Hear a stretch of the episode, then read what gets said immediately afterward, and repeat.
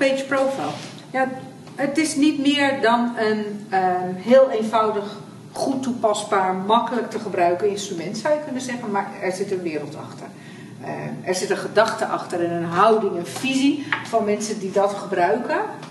Ehm, en een geloof dat degene waarmee je dat one-page profile maakt, uh, belangrijk kennis over zichzelf bezit en altijd een mens is met wensen voor de toekomst. Mensen hebben hoop, geloven in de toekomst. Uh, en die is meer dan het afmaken van je school of uh, het behalen van een diploma of uh, goed presteren op je werk. Een mens is een completer geheel. Ehm, en ik denk dus vier simpele vragen die je in zo'n one-page profile aan de ander stelt, gaan eerst over waardering. Dus ik probeer de ander uit te nodigen om te vertellen uh, waarin hij zichzelf waardeert. En natuurlijk zijn er veel uh, jongeren die op zo'n vraag in eerste instantie een beetje aankijken van... Uh, moet ik dat over mezelf zeggen? Hè? En het is een beetje spelen met in hoeverre ga ik het voor jou invullen. Dat ga ik niet doen, want ik ben vooral nieuwsgierig wat jij van jezelf waardeert. Maar natuurlijk helpen me met. En als ik dit nou aan je moeder zou vragen, wat zegt ze dan? Of je sportleraar. Of uh, de voetbalcoach of je mentor. Wat waarderen anderen in jou? Waar, waarvan zeggen ze, dit is, uh, dit is nou typisch Samira? nou, dat is het eerste stukje. En het belangrijke is dat je goed daarin aansluit bij wat die ander vindt en dat waardeert. Ook ik moet in mijn houding, als ik zo'n gesprek voer, waarderend zijn naar die ander. dus het is meer dan invullen en opschrijven. En dan um, stap je van daaruit over naar um, wat zou je nog graag willen? Wat, waar droom je van? Wat is er voor jou um, een perspectief waar je blij van wordt? En het is ongelooflijk, maar kinderen, jongeren zullen allemaal iets noemen. Uh, dat kan gaan over hele simpele dingen. Samira, in het voorbeeld op het MBO, wil erg graag samenwonen. En komt als eerste daarmee. Ze woont net op zichzelf, want ze woont begeleid. Uh, de thuissituatie is ingewikkeld. Maar Samira wil eigenlijk samenwonen. En dat kan als ze haar eigen financiën kan uh, runnen. Dus wat ze ook heel belangrijk vindt, is dat ze meer leert over geld. Want ze wil graag haar eigen financiën runnen. En zo verkennen we samen van, nog meer? Wat zou je nog meer heel, heel graag willen, heel belangrijk vinden? En vanuit die vraag over wat, wat zie jij voor een beeld in de toekomst van jezelf, ga je over naar wat is daarin nou echt belangrijk. En Samira, die in een moeilijke situatie uit huis is gegaan, geeft dan als eerste aan goed contact met mijn moeder. Waar ze het hele leven mee worstelt. Maar goed contact in relatie zijn is ontzettend belangrijk. En dat is natuurlijk voor elk mens belangrijk. Maar wat doet die informatie niet met jou als coach als je hoort dat dat van belang is? En dan kunnen we nog wel hopen dat ze, er, uh, dat ze vaker naar school komt of dat ze er diploma gaat halen. Maar in relatie zijn is belangrijk. Dan kan ze keuzes maken als ze in relatie is. Uh, en zo komt ze met een aantal andere dingen. Ze wil graag serieus genomen worden. Ze wil graag dat mensen naar haar luisteren. En ze vertelt ook even tussendoor dat als ze vertelt in haar toekomstdroom dat ze eigenlijk graag uh, tolk wil worden, omdat ze al vijf talen spreekt. En ze meld er even tussendoor. En dat heeft nog nooit iemand hier op het MBO aan mij gevraagd. Want niemand verwacht dat een meisje wat binnenkomt op niveau 1 en uiteindelijk nu in niveau 2 zit, vijf talen spreekt en tolk wil worden. En eh, daar is een heel verhaal achter van een vluchtelingenbestaan waarin ze op allerlei plekken is geweest. Met een vader die uh, um, uit Kenia komt en Swahili spreekt en Engels spreekt en waar zij uh, op school is geweest. Dus er komt een heel verhaal achter vandaan. En als laatste vraag, dat is de vierde vraag uit het one-page profile, is: um, hoe kan of wil jij daarbij ondersteund worden? Dus wat heb je nodig om dit, uh, aan deze dromen te gaan werken? En kinderen op hele jonge leeftijd, van 6, 7 jaar, weten al heel goed, zelfs kleuters weten al heel goed aan te geven hoe ze hulp uh, nodig hebben en waar ze hulp bij nodig ja. hebben. En uh, dat kan Samira ook. Die kan heel duidelijk, die, die vertelt je heel eerlijk van Um, ik ben heel goed in allerlei talen, maar het leren communiceren uh, en dat ik begrijp, zegt ze, ze legt dan uit dat ik begrijp wat er aan de andere kant gebeurt bij de ander, dat vind ik nog moeilijk. Dat moet je me soms nog uh, uitleggen. Of, en zo heeft ze een aantal uh, heldere uh, ideeën over, zo zou je me daarbij kunnen ondersteunen. Ehm, en daarmee hebben we natuurlijk niet deze jongeren voor het MBO behouden. Nee. Dat zou, uh, dat zou te mooi zijn om waar te zijn. Maar wat er gebeurt is dat het verhaal over iets anders gaat. Het verhaal gaat niet over wat is er allemaal niet gelukt in de afgelopen tijd en hoe komt het dat we je nooit meer op school zien. Of, maar eigenlijk krijg je die boodschap al lang mee. Want elke coach of docent die met deze eh, dame praat, zou begrijpen dat er een slechte match is tussen wat er op school gebeurt en dat wat voor Samira eigenlijk echt belangrijk is.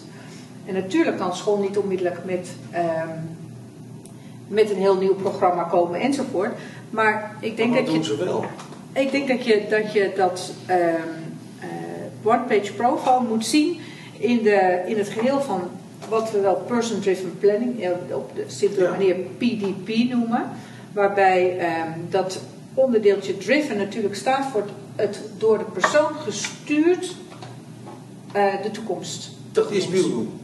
En dat, is, dat gaat natuurlijk heel erg over beelddoen. Want wat is daar allemaal in belangrijk? Niet het systeem, maar hoe kan ik als mens uh, in de maatschappij, in de school mij manifesteren? En wat is daarin bij mij voor mij belangrijk. En daarin geloven we dat het over twee belangrijke dingen gaat. Namelijk over relaties, het in relatie zijn met anderen. En uh, het keuzes mogen maken. En uh, je begrijpt dat als je uh, goed in relatie bent met anderen, dat zien we natuurlijk veel, maar weinig keuzes mag maken, dan noemen we dat ook wel pamperen. Ja. Dan eh, gaan wij als professionals bedenken wat goed voor jou is. Ja. En dan denken we dat dat uiteindelijk het beste is. Maar iemand leert ook niet omgaan met teleurstellingen. Iemand leert ook niet uh, een plan B te ontwikkelen als A niet is ge, uh, gebeurd. En de gedachte die we als professionals dan vaak hebben is: ja, als we jongeren een keuze laten maken, dan kiezen ze iets wat niet mogelijk is. Maar heeft dat, wanneer dat ingevoerd wordt, heeft dat een grote invloed, verandering brengt dat teweeg binnen de MBO-opleidingen, binnen nou in ieder geval sowieso binnen het denken, denk ik, hè? ten aanzien van het denken. Maar uh, ook in de benadering van die leerlingen, van die studenten en de manier waarop vervolgens onderwijs gegeven gaat worden. Um, uh, ja, dus in hoeverre gaat nou het bezig zijn en het denken vanuit person-driven planning verandering opleveren in, ehm, ja, in onderwijs, in scholing? Dat is natuurlijk een heel interessante vraag. Ik denk dat het heel essentieel is dat uh, person-driven planner vereist en vraagt dat ik uh, de jongeren keuzes geef ten aanzien van zijn eigen toekomst. Dat ik A luister naar wat die plannen zijn en dat ik volgens hè, begeleid een aantal stappen uh, daarin de jongeren keuze laat maken. En dat doen we in relatie met anderen.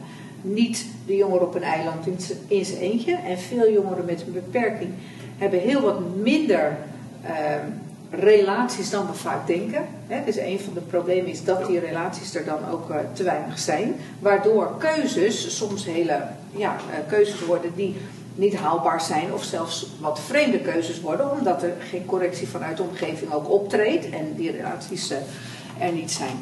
Uh, een van de belangrijke dingen die het impliceert is um, dat je jongeren meer regie gaat geven. En als je dat, dus als je dat via dat person-driven planning gaat doen, dan kan het niet anders dan dat je dat A, in je houding en attitude hebt. Dus dat het past bij de visie van de school. Of dat je de visie van de school langzaam meer inclusief maakt. Maar natuurlijk ook dat. Uh, uh, ja, als je, uh, uh, je kan een heel leuk gesprek met elkaar hebben, of dat gaat over een one-page profile en over de verdere toekomstplannen van de jongeren. Maar als daar geen acties op volgen, als er daarna niks gebeurt, dan is het een gezellig gesprek geweest, maar dan hebben wij niks aan. Dus het vereist en het vraagt dat je met elkaar ook afspraken maakt. En ik denk dat daar vaak over gedacht wordt dat het heel ingewikkeld is. maar dat kan ook heel klein.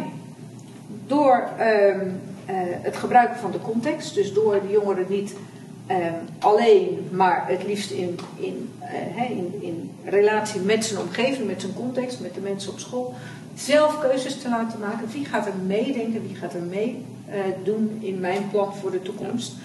Kunnen die dingen ook heel klein zijn. Ja, maar het, het, het betekent in ieder geval dat de, de leraar vanuit een andere houding naar die student kijkt en, en ook begeleidt en geïnteresseerd is. waardeert de nieuwsgierigheid van de betreffende student, dus fantasie en dat soort dingen nog meer. En bovendien zeg je, het moet op de een of andere manier gematerialiseerd worden. Is het bewustzijn daarvan, van de consequenties die het heeft om dit in te... Dat geldt ook voor Bielboer trouwens. Om dit, dit in te voeren. Dat het grote consequenties heeft. Wel hele goede. Ja? Wel gericht, echt op, gericht op de toekomst. Maar uh, uh, is men zich daar bewust van? Wanneer men met jou aan het werk gaat? Ehm, nou, ik... Nogmaals, ik vind het belangrijk ook om het klein en bereikbaar te houden. Dus hè, de, de, kunst is ook om dingen te doen. En ik denk dat dat er vele zijn die uh, helpen. En die, die als.